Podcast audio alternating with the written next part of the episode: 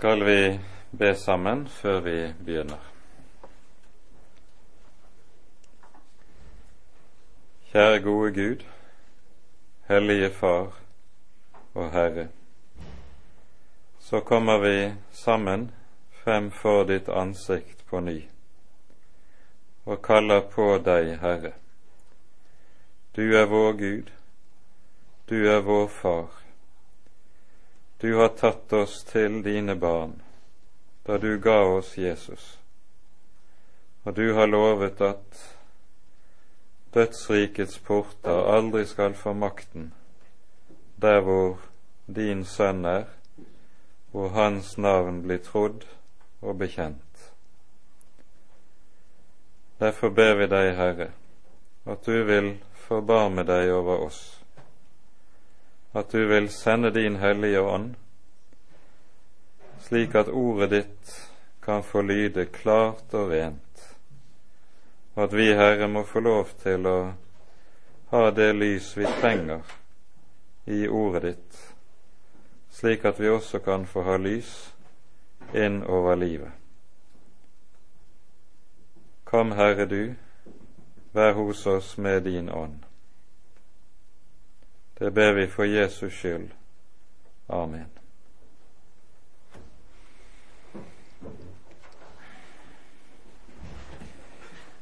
Da er vi altså kommet til det åttende kapitlet i åpenbaringsboken. Eh, og med dette kapitlet er det da slik at det siste av de syv seil på boken, Fremtidsboken, blir brutt. Vi har eh, de foregående, to foregående bibeltimene gått igjennom og sett nærmere på hva det vil si at de syv seilene ble brutt.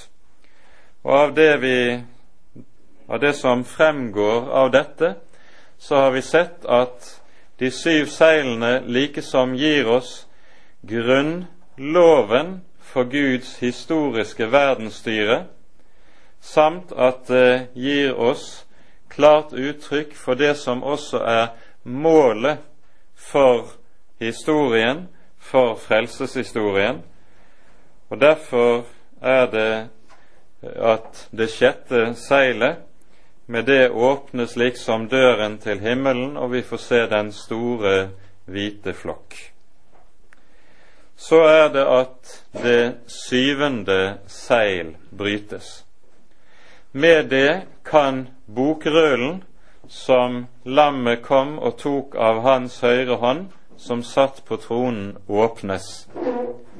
Og denne bokrullen, den var, husker vi, nettopp fremtidsboken. Det vil si at nå begynner det å rulles opp for oss det som hører fremtiden til, det som er Guds råd for tider som skal komme, like inn mot avslutningen. Og eh, nettopp dette er da også noe av hovedpoenget med hele dette avsnittet som vi nå hører om de syv basuner som nå kommer. Dette er ganske så parallelt til det vi hører i Jesu store endetidstale i Matteusevangeliets 24. kapittel og f.eks. i Markus 13 og i Lukas 21. Her er det slik at første delen av disse endetidstalene har det med seg, eller er kjennetegnet ved det, at Jesus kaller det for begynnelsen til veene. Og Vi kan godt si det slik at meget av det som vi nå hører om i forbindelse med de syv basunene, det er også omfattet av akkurat det samme som Jesus taler om. Det er begynnelsen til veene. Og det er det vi nå også vil se når vi nå kommer til å lese gjennom først det åttende kapittelet. Da lammet åpnet det syvende seil, ble det stillhet i himmelen omkring en halv time. Og jeg så de syv engler som står for Gud. Det ble gitt dem syv basuner. Og en annen engel kom og sto ved alteret. Han hadde et røkelseskar av gull. Det ble gitt ham meget røkelse for at han skulle legge den til alle de helliges bønner på gullalteret foran tronen. Og røken av røkelsen steg fra engelens hånd opp for Gud med de helliges bønner. Og engelen tok røkelseskaret og fylte det med ild fra alteret og kastet det på jorden. Og det kom tordner og røster og lyn og jordskjelv. Og de syv engler som hadde de syv basuner, gjorde seg ferdige til å blåse i dem. Og den første engel blåste, og det kom hagl og ild blandet med blod, og ble kastet ned på jorden, og tredjedelen av jorden ble oppbrent, og tredjedelen av trærne ble oppbrent, og alt grønt gress ble oppbrent. Og den annen engel blåste, og det ble like som et stort, brennende fjell kastet i havet, og tredjedelen av havet ble til blod, og tredjedelen av skapningene i havet som hadde liv, døde, og tredjedelen av skipene ble ødelagt. Og den tredje engel blåste, og en stor stjerne falt ned fra himmelen, brennende som en fakkel, og den falt ned på tredjedelen av elvene og på vannkildene. Og stjernens navn er malurt, og tredjedelen av vannet ble til malurt, og mange av menneskene døde av vannet, fordi det var blitt beskt. Og den fjerde engel blåste, og tredjedelen av solen ble slått, og tredjedelen av månen, og tredjedelen av stjernene for at tredjedelen av dem skulle formørkes og tredjedelen av dagen miste sitt lys, og natten likeså. Og jeg så, og jeg hørte en ørn som fløy under det høyeste av himmelen og sa med høy røst, Ved, ved, ved dem som bor på jorden. For de andre basunrøster av de tre engler som ennå skal blåse.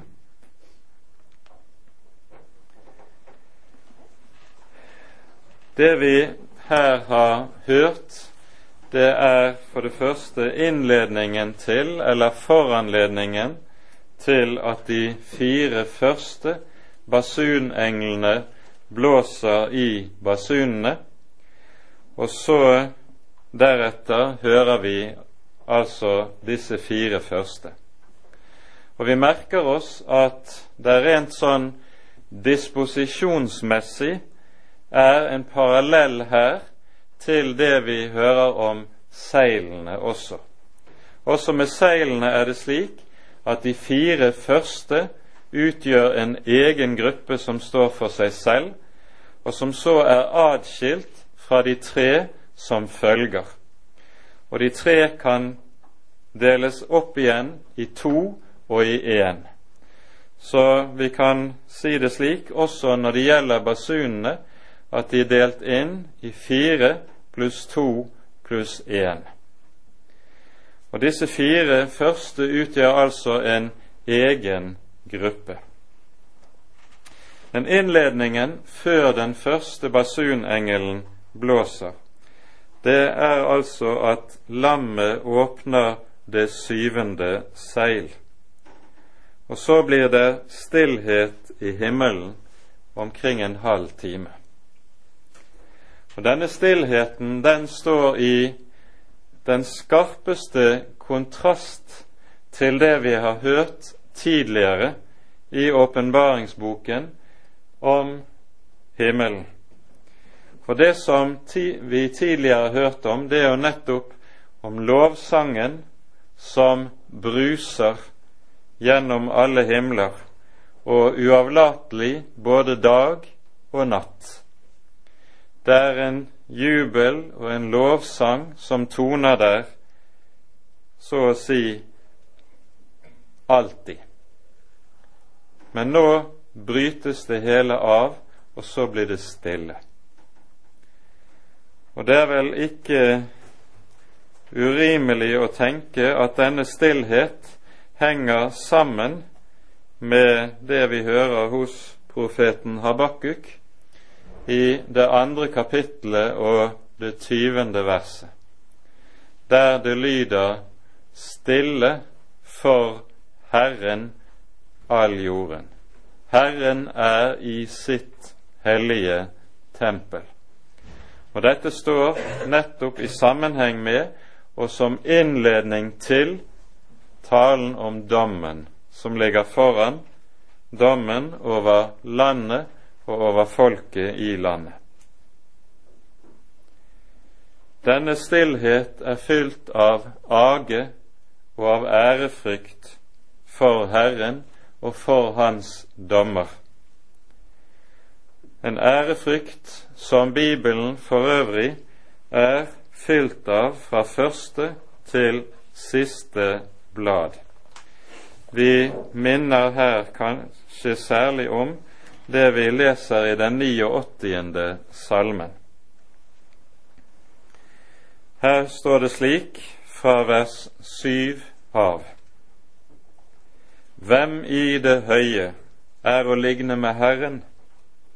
Hvem er Herren lik blant Guds sønner? En Gud såre forferdelig i de helliges hemmelige råd, og fryktelig for alle dem som er omkring ham Herre, herskarenes Gud, hvem er sterk som du, Herre, og din trofasthet er rundt omkring deg. Du er den som hersker over havets overmot. Når dets bølger reiser seg, la du dem legge seg. Det er noe som preger det bibelske gudsbildet det er at Gud både er og kalles for den nådige og den forferdelige. Begge disse navn brukes om Herren. Det hebraiske ordet som ligger bak når, tar, når de våre bibler er omsatt 'den forferdelige', det er ordet 'norra', som betyr bokstavelig frykt inngytende, den som inngyter den aller største redsel. Og slik kalles altså Herren med dette navn. Og det er helt karakteristisk for Bibelens tale om Gud at den nettopp har denne dobbelthet. Og disse to sider ved Bibelens måte å tale om Gud på de må alltid stå side om side, hvis ikke blir vår tale om Herren falsk.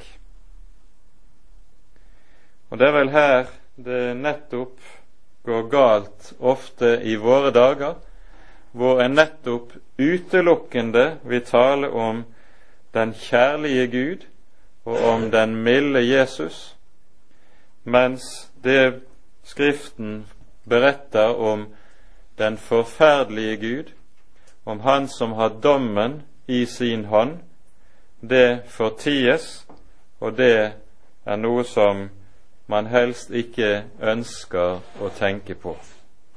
Men Bibelen er, Bibelens Gud er altså både den nådige og den forferdelige.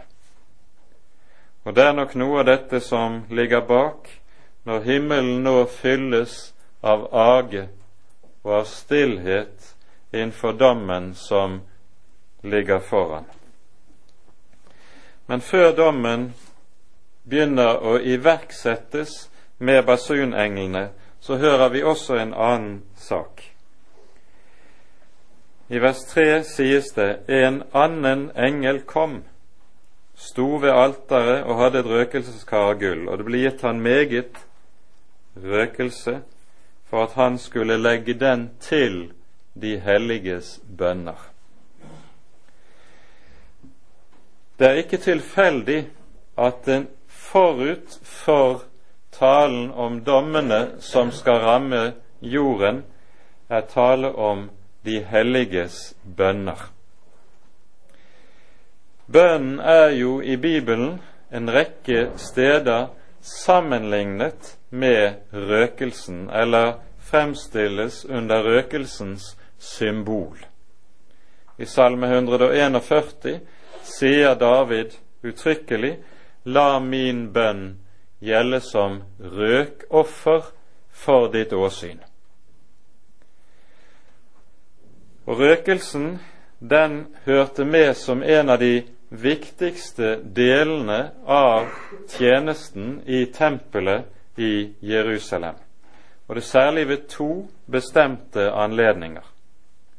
For det første ved det daglige offer, dvs. Si hver morgen og hver aften i forbindelse med at det ble ofret et lam til syndoffer for folket, så ble det også båret røkelse, røkoffer, inn i tempelet.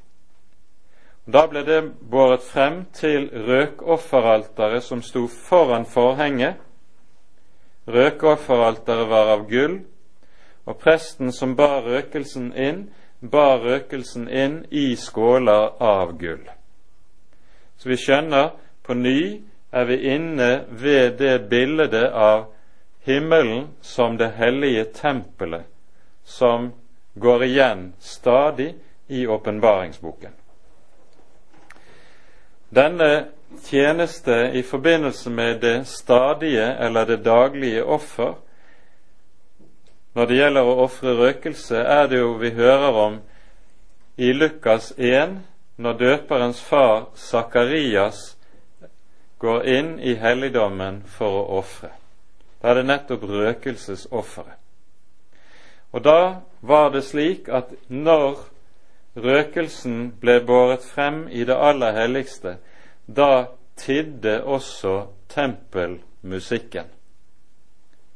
Det var stille i tempelet, og hele folket som var til stede i tempelet, de kastet seg til jorden i tilbedelse mens de ventet på at presten som var inne med gullskålene, kom ut igjen. Og når han kom ut igjen, da lyste han velsignelsen over folket. Men det var dyp stillhet i tempelet inntil det. Og Det vi altså hører om stillheten her i det første verset, det er også et bilde som henger sammen altså med tempeltjenesten i Jerusalem. Når det sies om denne engel at det ble gitt ham røkelse som skulle legges til de helliges bønner. Da sier det noe meget sterkt om Guds folks bønner. Det er ikke slik som med vår røst at jo lenger du er borte, jo svakere lyder røsten. Det vil si, jo høyere Gud troner, jo svakere lyder liksom bønnene. Nei, her er det motsatt vei. At jo nærmere bønnen kommer tronen, jo sterkere lyder den og er den. For det blir lagt til. Og det Skriften forteller oss, er at det særlig er to som legger til de helliges bønner. For det første er det Herren Jesus selv.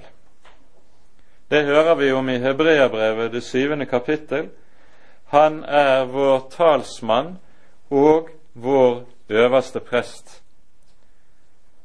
Og så står det om ham som vår øverste prest at det sies fordi vi har en slik øverste prest, kan han også fullkomment frelse dem som kommer til Gud ved ham, da han alltid lever for å gå i forbønn for dem. Jesus er vår talsmann og vår forbeder i det høye. Og det er den ene som legger til de helliges bønner. Den annen som legger til de helliges bønner, det er Guds hellige ånd. Altså den tredje person i guddommen. Det hørte vi omtalt i sist søndags episteltekst, der vi hører i Romerbrevets åttende kapittel om hvorledes vi slett ikke alltid vet hvordan vi skal be, eller hva vi skal be om. Men hva gjør Herren da? Han sender sin ånd, som kommer oss til hjelp med usigelige sukk. Og så er Ånden altså også den som legger til. Vi merker oss med dette altså at det er ikke englene som legger til de helliges bønner, men ut fra det vi hører i Skriften for øvrig, så er det de to personer av tre i guddommen, Guds sønn og Guds ånd, som legger til. Og disse bønner blir sannelig hørt. De har stor kraft for Guds åsyn. Så kunne en spørre hva er nå mon årsaken til at nettopp dette omtales forut for talen om dommene? Årsaken til det ligger i noe av det som er det viktigste alltid i Guds folks bønn nemlig det vi ber når vi ber 'Komme ditt rike'. Dette er en bønn som alltid følger Guds folk, som alltid hører med til så å si grunnbønnen i Guds folks liv 'Komme ditt rike'. Men Guds rike er da også slik at når det kommer, så kommer det alltid ledsaget av dommer, av Guds dommer. Og det er det vi nå hører i det som kommer. I det andre verset hører vi om de syv engler som står for Gud. Tidligere i åpenbaringsboken har vi hørt om andre slags engler. Vi har hørt om de 24 eldste. Vi har hørt om de fire livsvesenene. Vi har hørt om de myriader som står og tar del i lovsangen for tronen. Og her hører vi igjen om enda en gruppe. Det er de syv som står for Gud. Det er en særlig gruppe engler som ellers i Skriften kalles for overengler. Eller i kristen tradisjon har de ofte fått navnet erkeengler. Disse er, Av disse hører vi at det er flere som er navngitt i Bibelen. I Daniels boks tiende kapittel i det trettende verset er en av dem navngitt, det er Mikael. Det sies uttrykkelig om ham at han er en av disse som står for Gud. Og Mikael møter vi igjen i det tolvte kapittelet i åpenbaringsboken. I Lukasevangeliets første kapittel hører vi om han som kommer med bud til Maria, Gabriel, og han presenterer også seg selv slik at han sier at han er Gabriel som står for Gud. Det er disse særlige engler det er tale om. Og I jødisk tradisjon er flere av de øvrige navngitt også, f.eks. i Tobits bok, som vi finner blant de gammeltestamentlige apokryfene, og som vi ikke har i våre bibler, der hører vi om engelen, erkeengelen Rafael. Det får nå så være. Bibelen navngir altså to av disse. De er engler som har altså en særlig forrett i det de har tiltrede til Guds trone innenfor Guds nærhet. Disse er det nå som skal innvarsle de dommer som går over jorden, og så får de basunene. Og Basunene det er også et bilde som vi finner igjen stadig fra vår bibel og i Det gamle testamentet. De hadde også en særlig rolle, ikke minst i tempeltjenesten, og de hadde en stor rolle for Guds folk Israel under ørkenvandringen. Disse er omtalt i Fjerde Mosebok i det tiende kapittelet.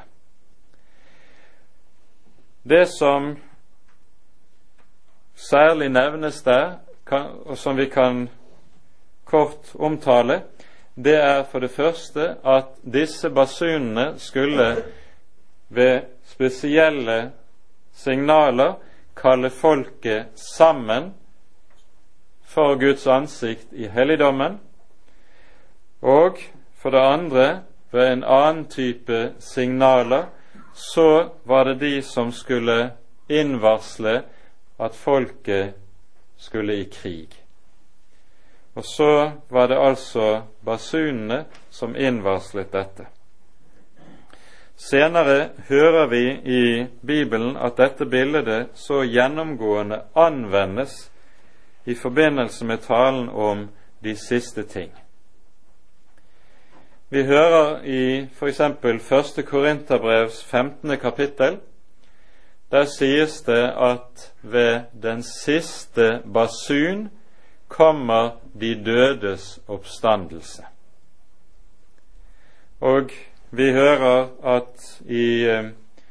Eh, Tessalonikerbrevs 4. kapittel tales det om at Jesus, når han kommer tilbake, så kommer han med en overengels røst og ledsaget av basunens lyd. Så dette er et bilde som altså går igjen i Bibelen. Og det går tilbake ganske særlig når det gjelder denne bruken, til profeten Joel. For det vi hører hos Joel, det i kapittel 2 og kapittel 3 er at Herrens basun er det som innvarsler Herrens dag. Og Herrens dag er likesom innbegrepet av både eh, dommen som kommer, og som utgjør forberedelsen til og forvarselet av Herrens komme. Dette er altså bildet som ligger bak når vi hører om basunen i Bibelen. Og så er det vi da hører de fire første engler blåse. Det som er felles for alle disse fire, og det som skjer, som utløses ved basunstøtene, det er at her rammes naturen. Det er på ulike måter, kunne vi godt kalle det for, at her, det vi her hører om, er økologiske katastrofer av et veldig omfang. Forbildet på disse er alle sammen gitt i forbindelse med det vi hører i annen Mosebok med utgangen av Egypt. De ti plagene som rammer Egypt forut, og som skal tvinge farao til å la Israel få fare. Slik er det også at Guds folk skal se på disse slag som rammer jorden.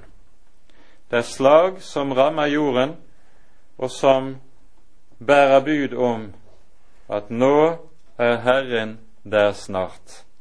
Det er derfor Jesus sier, slik vi hører det i Lukas 21, når menneskene engstes i gru over alt det som kommer over jorden, så sier Jesus, slik skal dere ikke reagere. Dere behøver ikke å være redde, slik menneskene blir det. Han sier i stedet, når alt dette skjer, da løft deres hode, for deres forløsning stunder til. Det er løftet. Og her skal vi nettopp tenke om det som ligger her, helt parallelt med det vi hører om Israels utfrielse av fangenskapet i Egypt. Når alt dette skjer, da løft deres hode. Og så skal Guds folk gjøre nøyaktig det samme som Israel gjorde forut for utgangen, da de fikk befaling om påskelammet.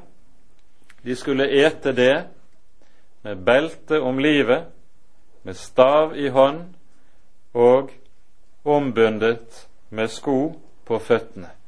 De skulle være klar til oppbrudd. De skulle våke og være rede.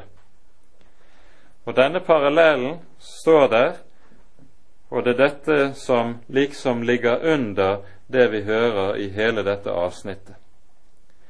Det som er den store forskjellen på det vi hører i Annen Moseboks eh, beretning om utgangen, det er at der hører vi om en lokal katastrofe som rammer et begrenset område, nemlig landet Egypt. Mens her er det tale om noe som er globalt, som rammer hele jorden og har et veldig omfang. Vi hører en tredjedel av ulike deler av naturen kommer til å rammes og å ødelegges. Når naturen på denne måten blir rammet, da er det viktig at vi er oppmerksom på at det er en nær, en tett sammenheng mellom mennesket og naturen, slik Bibelen tenker om disse ting. Vi hører jo i Første Mosebok, i forbindelse med beretningen om syndefallet, at når Adam og Eva har falt i synd, så sies det til de to fordi du gjorde dette, skal jorden være forbannet for din skyld.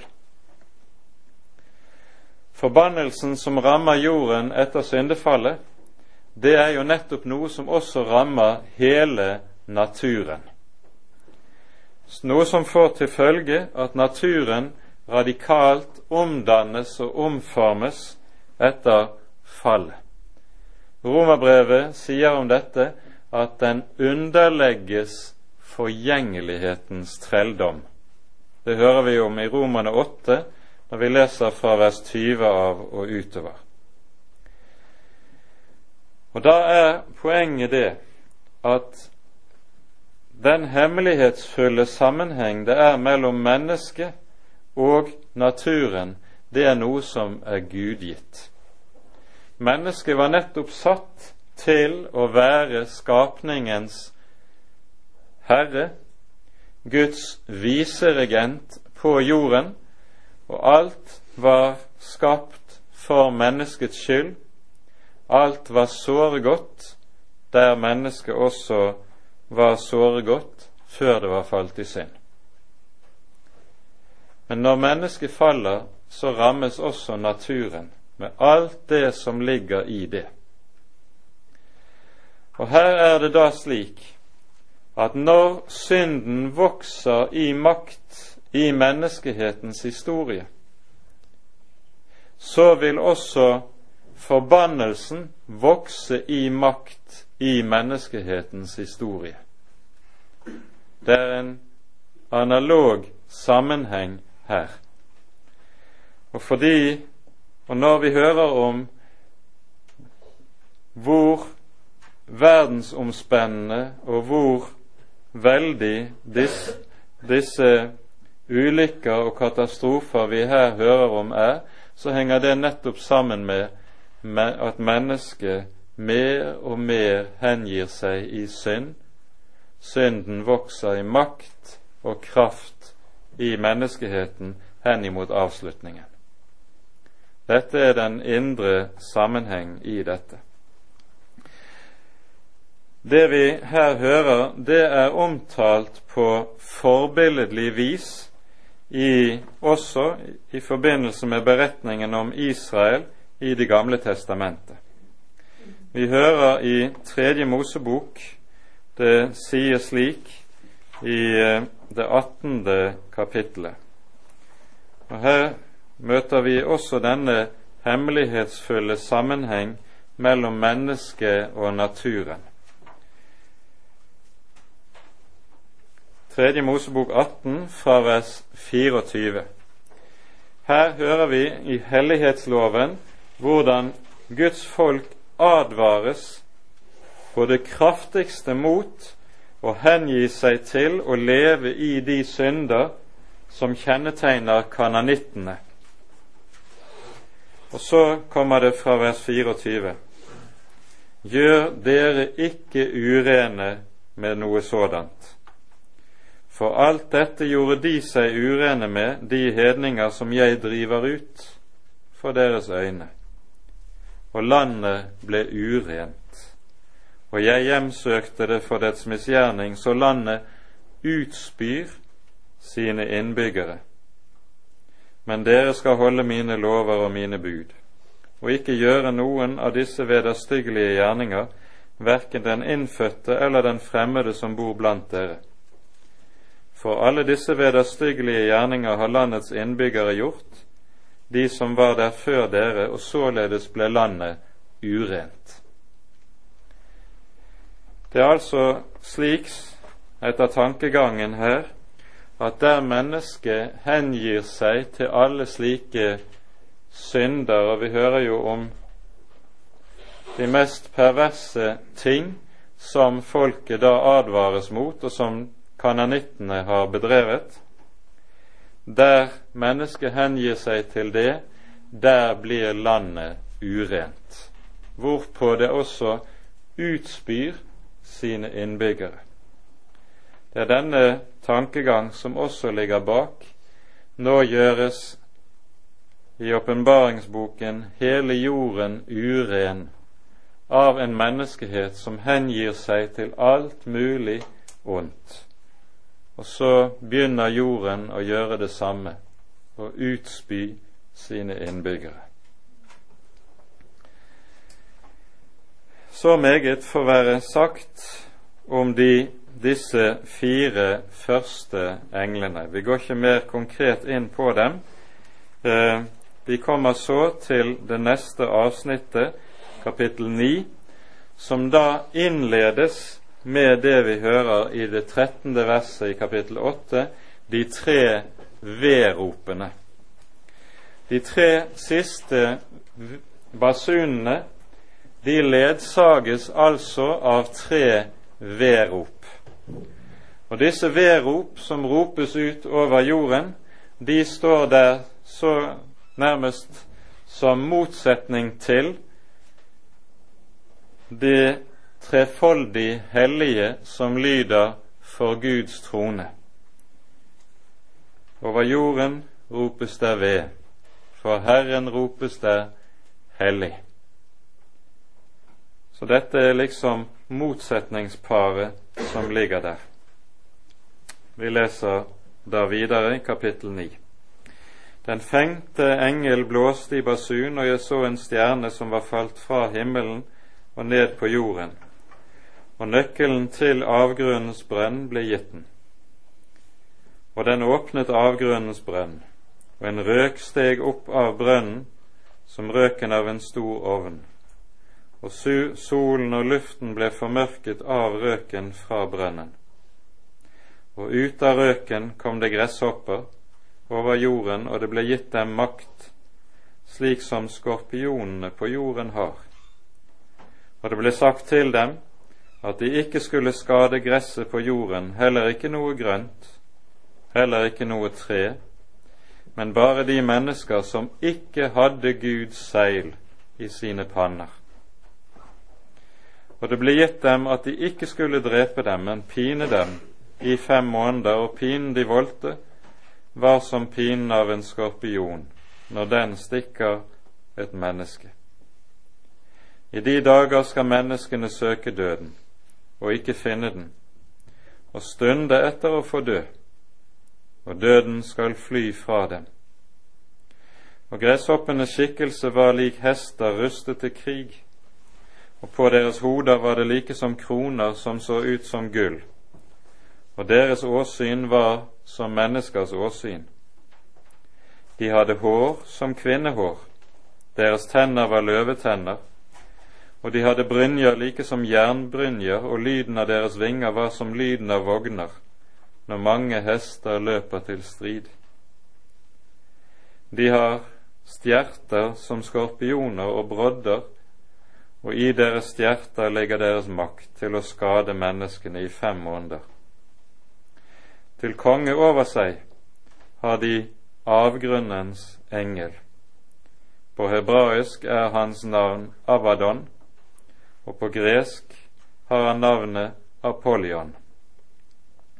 Det første vedrop er over. Se, ennå kommer det to vedrop etter dette. Og den sjette engel blåste, og jeg hørte en røst fra de fire horn på det gullalter som sto for Gud. Og den sa til den sjette engel som hadde støtt i basunen, løs de fire engler som er bundet ved den store elv Eufrat. Og de ble løst, de fire englene som hadde stått ferdige på timen og dagen og måneden og året, til å drepe tredjedelen av menneskene og tallet på hestfolkets hær var to ganger ti tusen ganger ti tusen. Jeg hørte tallet på dem. Og således så jeg hestene i mitt syn, og dem som satt på dem. De hadde ildrøde og mørkerøde og svovelgule brynjer, og hestenes hoder var som løvehoder, og av deres munn gikk der ut ild og røk og svovel.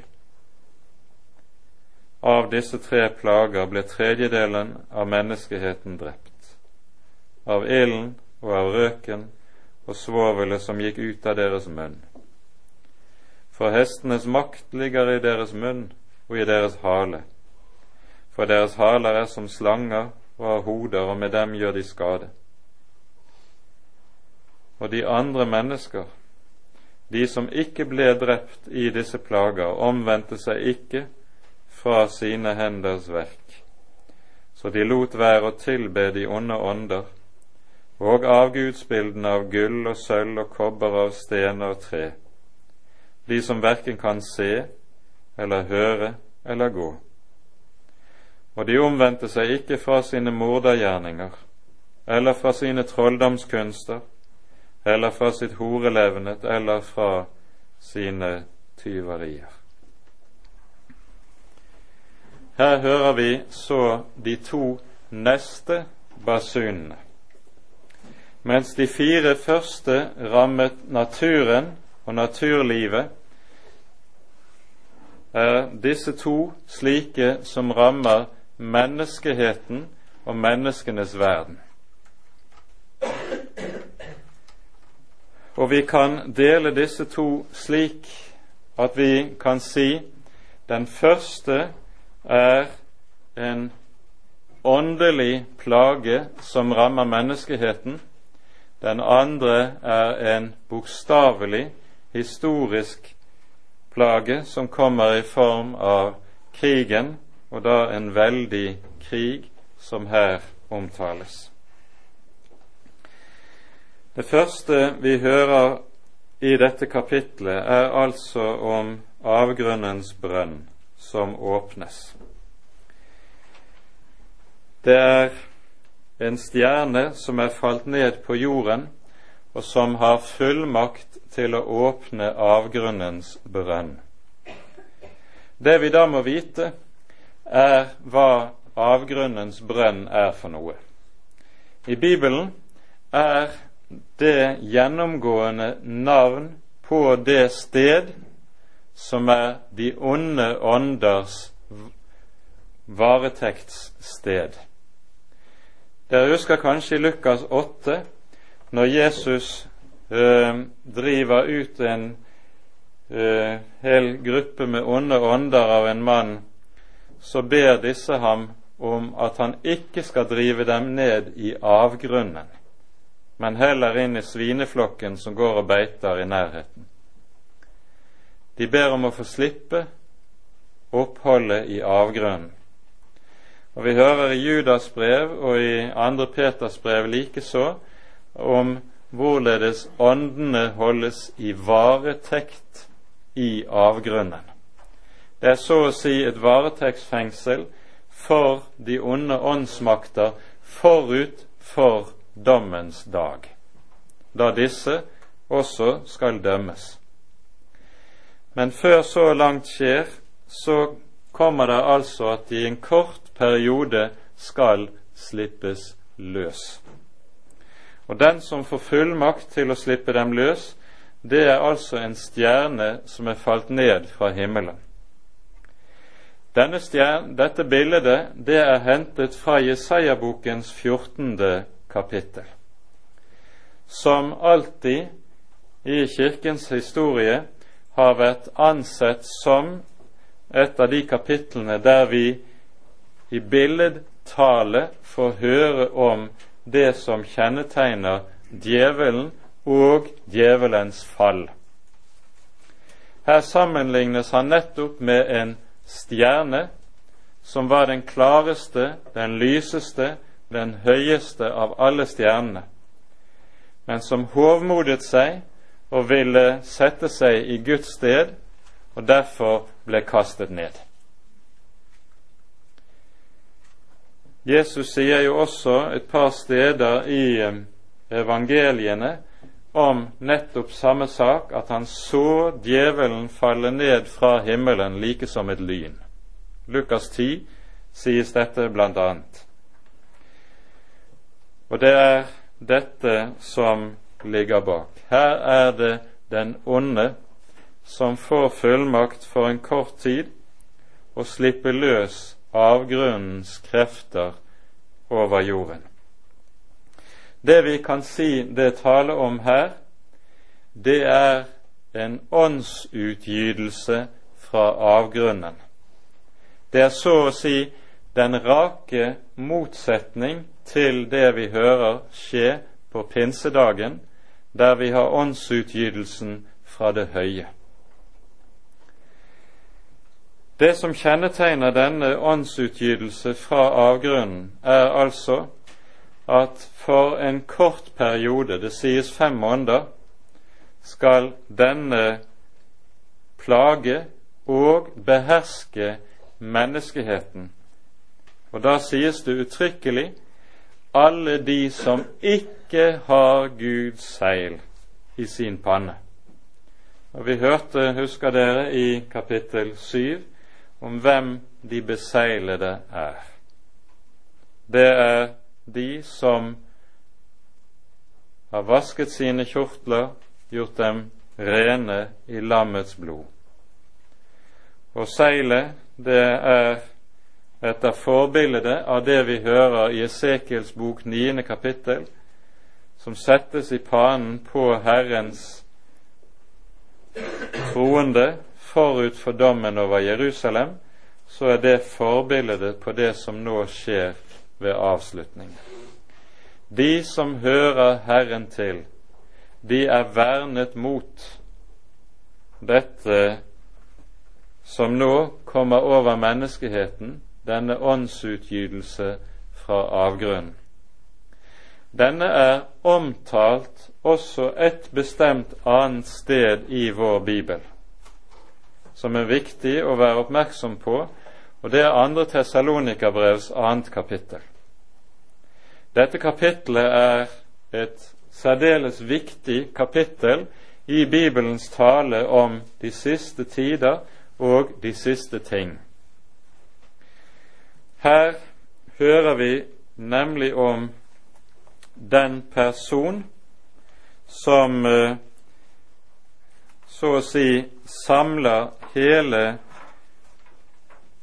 menneskehetens frafall og ondskap i sin person, han som vi kaller Antikrist.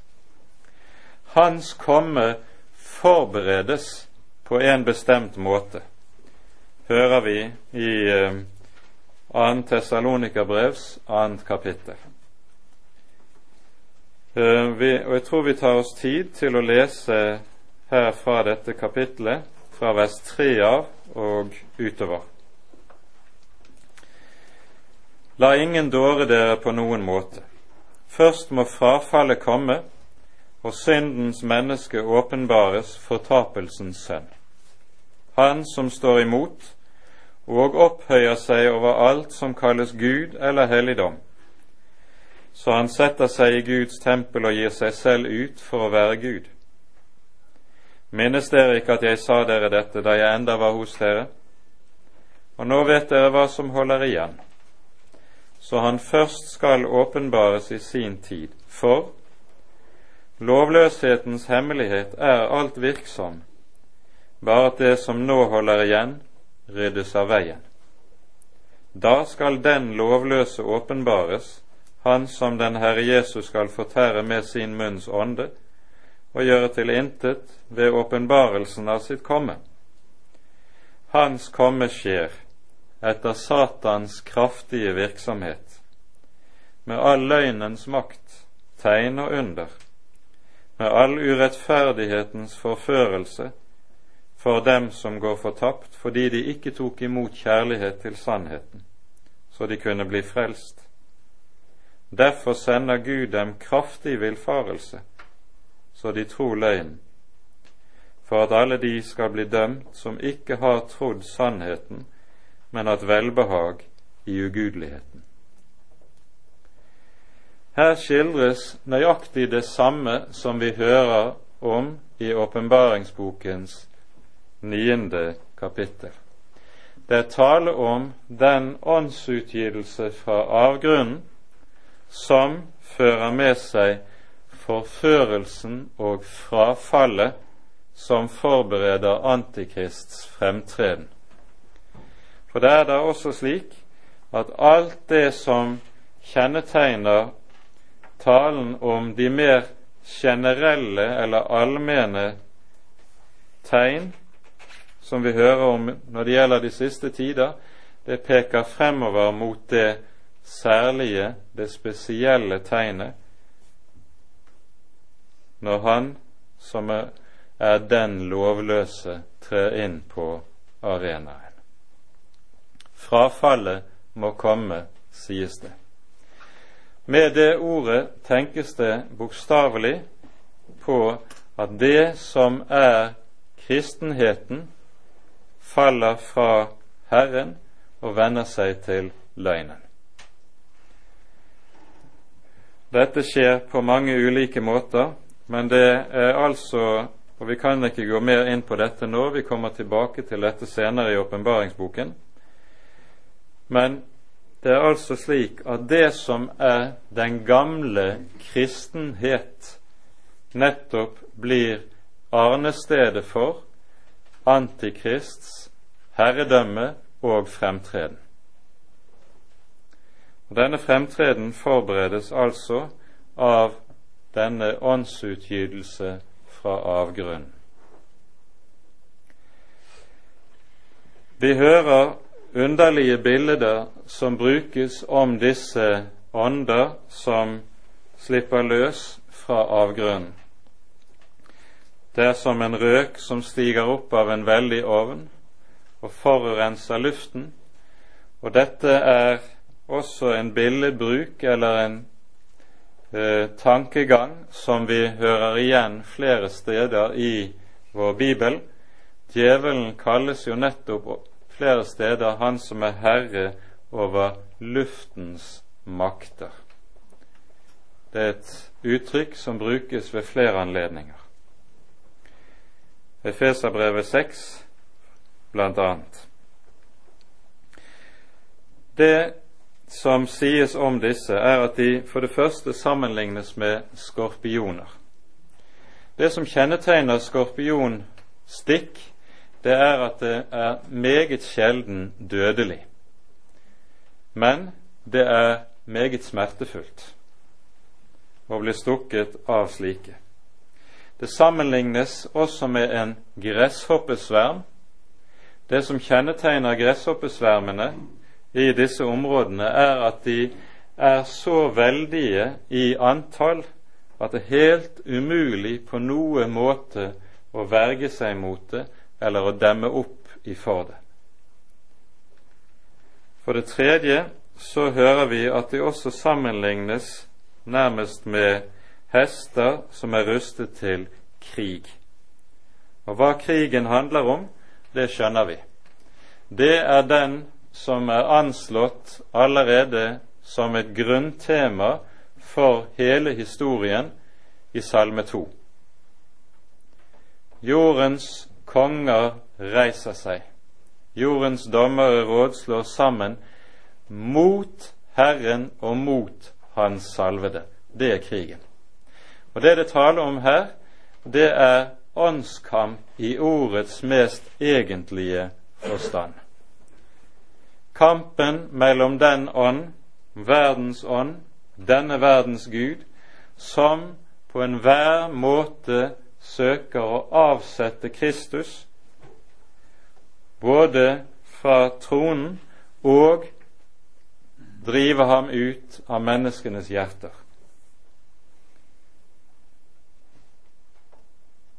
Vi merker oss også at i bildet av disse så står det på deres hoder var det like som kroner som så ut som gull. Her hører vi motsetningen til det som sies om de som er for Guds trone. De har troner av gull. Det vil si, her er det ekte vare. Mens disse, her er det bare noe som ser ut som. Det er noe som gir skinn av å være herlig, stort, rikt, men som bare har skinnet. Det er det ikke.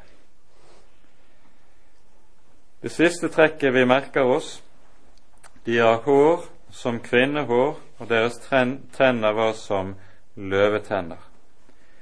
Det vil si, eh, de gir inntrykk av på ny av De gir skinn av noe mykt, noe forførende, noe vakkert, samtidig som med løvetennene sies det det er grusomhet som ligger bakom. Så det å gi skinn av, det er det gjennomgående trekk i dette. Og disse skal forføre menneskeheten, hører vi i 2. Tessalonika-brev kapittel 2, alle de som har vendt sin hu til løgnen, de skal bli offer for disse ånders makt.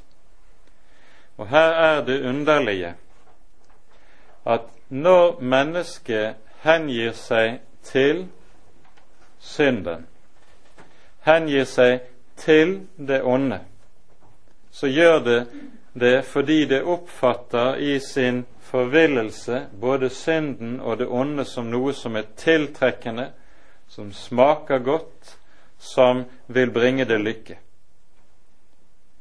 Men som nettopp, når en gir seg hen i det, fører til at livet blir bittert, blir vondt og blir vanskelig. Og så fører det til livslede Menneskene mister gleden ved livet, de har lyst til å dø. For der Jesus blir borte og synden får makt, der blir nettopp livsleden en del av det som kjennetegner livet. Det er det Jesus omtaler når han sier hva gagner det et menneske om det vinner hele verden, men tar skade på sin sjel? Nettopp når man søker å vinne verden, så tar en skade på sin sjel. Derfor sier Jeremia til Israels folk, slik vi hører om det i eh, Jeremia-bokens andre kapittel, slik Så se da og kjenn at det er ondt og bittert at du forlater Herren din Gud. Det å vende Herren ryggen, det fører til at livet blir bittert. Og det er noe av dette som ligger bakom. Til slutt, i dette avsnittet, så navngis fyrsten over disse åndsmakter. Til konge over seg har de avgrunnens engel. På hebraisk er navnet Abaddon, på gresk Apollyon. Begge ordene betyr ødeleggeren, han som ødelegger.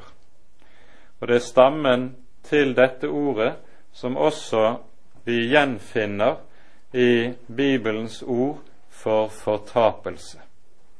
Fortapelse, det er jo nettopp fullstendig ødeleggelse.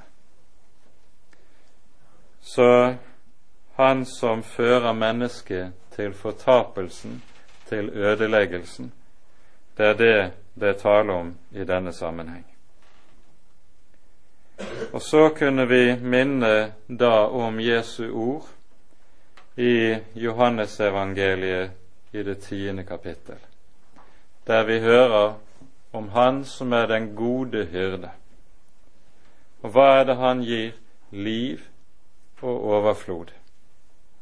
Og slik sett så står han i motsetning til ulven.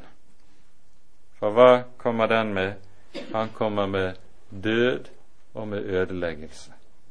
Slik taler Jesus i Johannes 10. Nå rekker vi ikke å se veldig mye på det som står i resten av det niende kapittel i dag. Vi får utsette det til neste gang. Bare at vi merker oss ved avslutningen av kapitlet, står det et vemodig ord. Vers 21. De omvendte seg ikke. Det er nemlig slik når det gjelder Guds historiske styre, at Guds dommer alltid har en dobbelthet i seg. Og Denne dobbelthet består i at de både er dom, dvs. Si straff over ondskapen, samtidig som det også er tukt.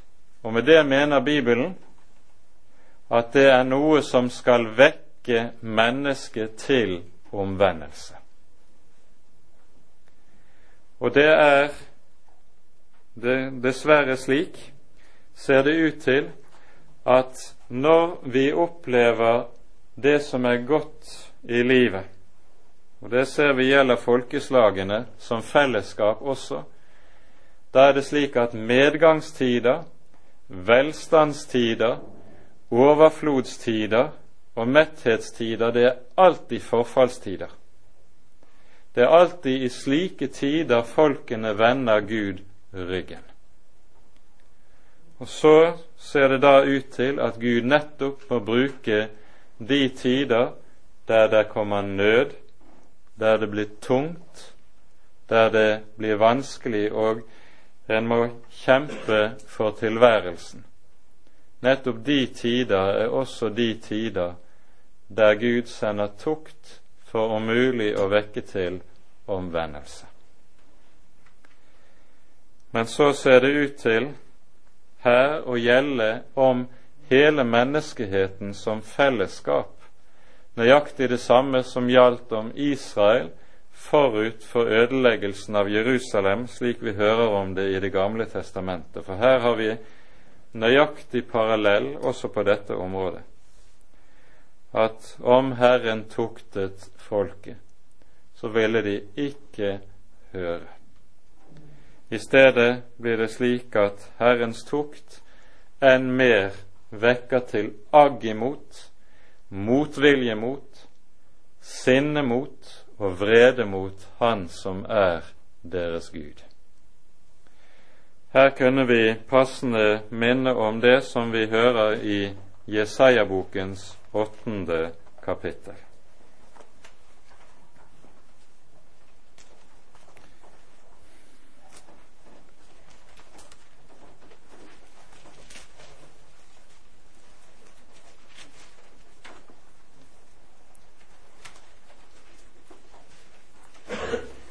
Dette er talt i en lignende tid til Guds folk Israel, som er, og det er en tid og en periode som er ganske parallell til det vi hører skal gjelde hele verden ved avslutningen.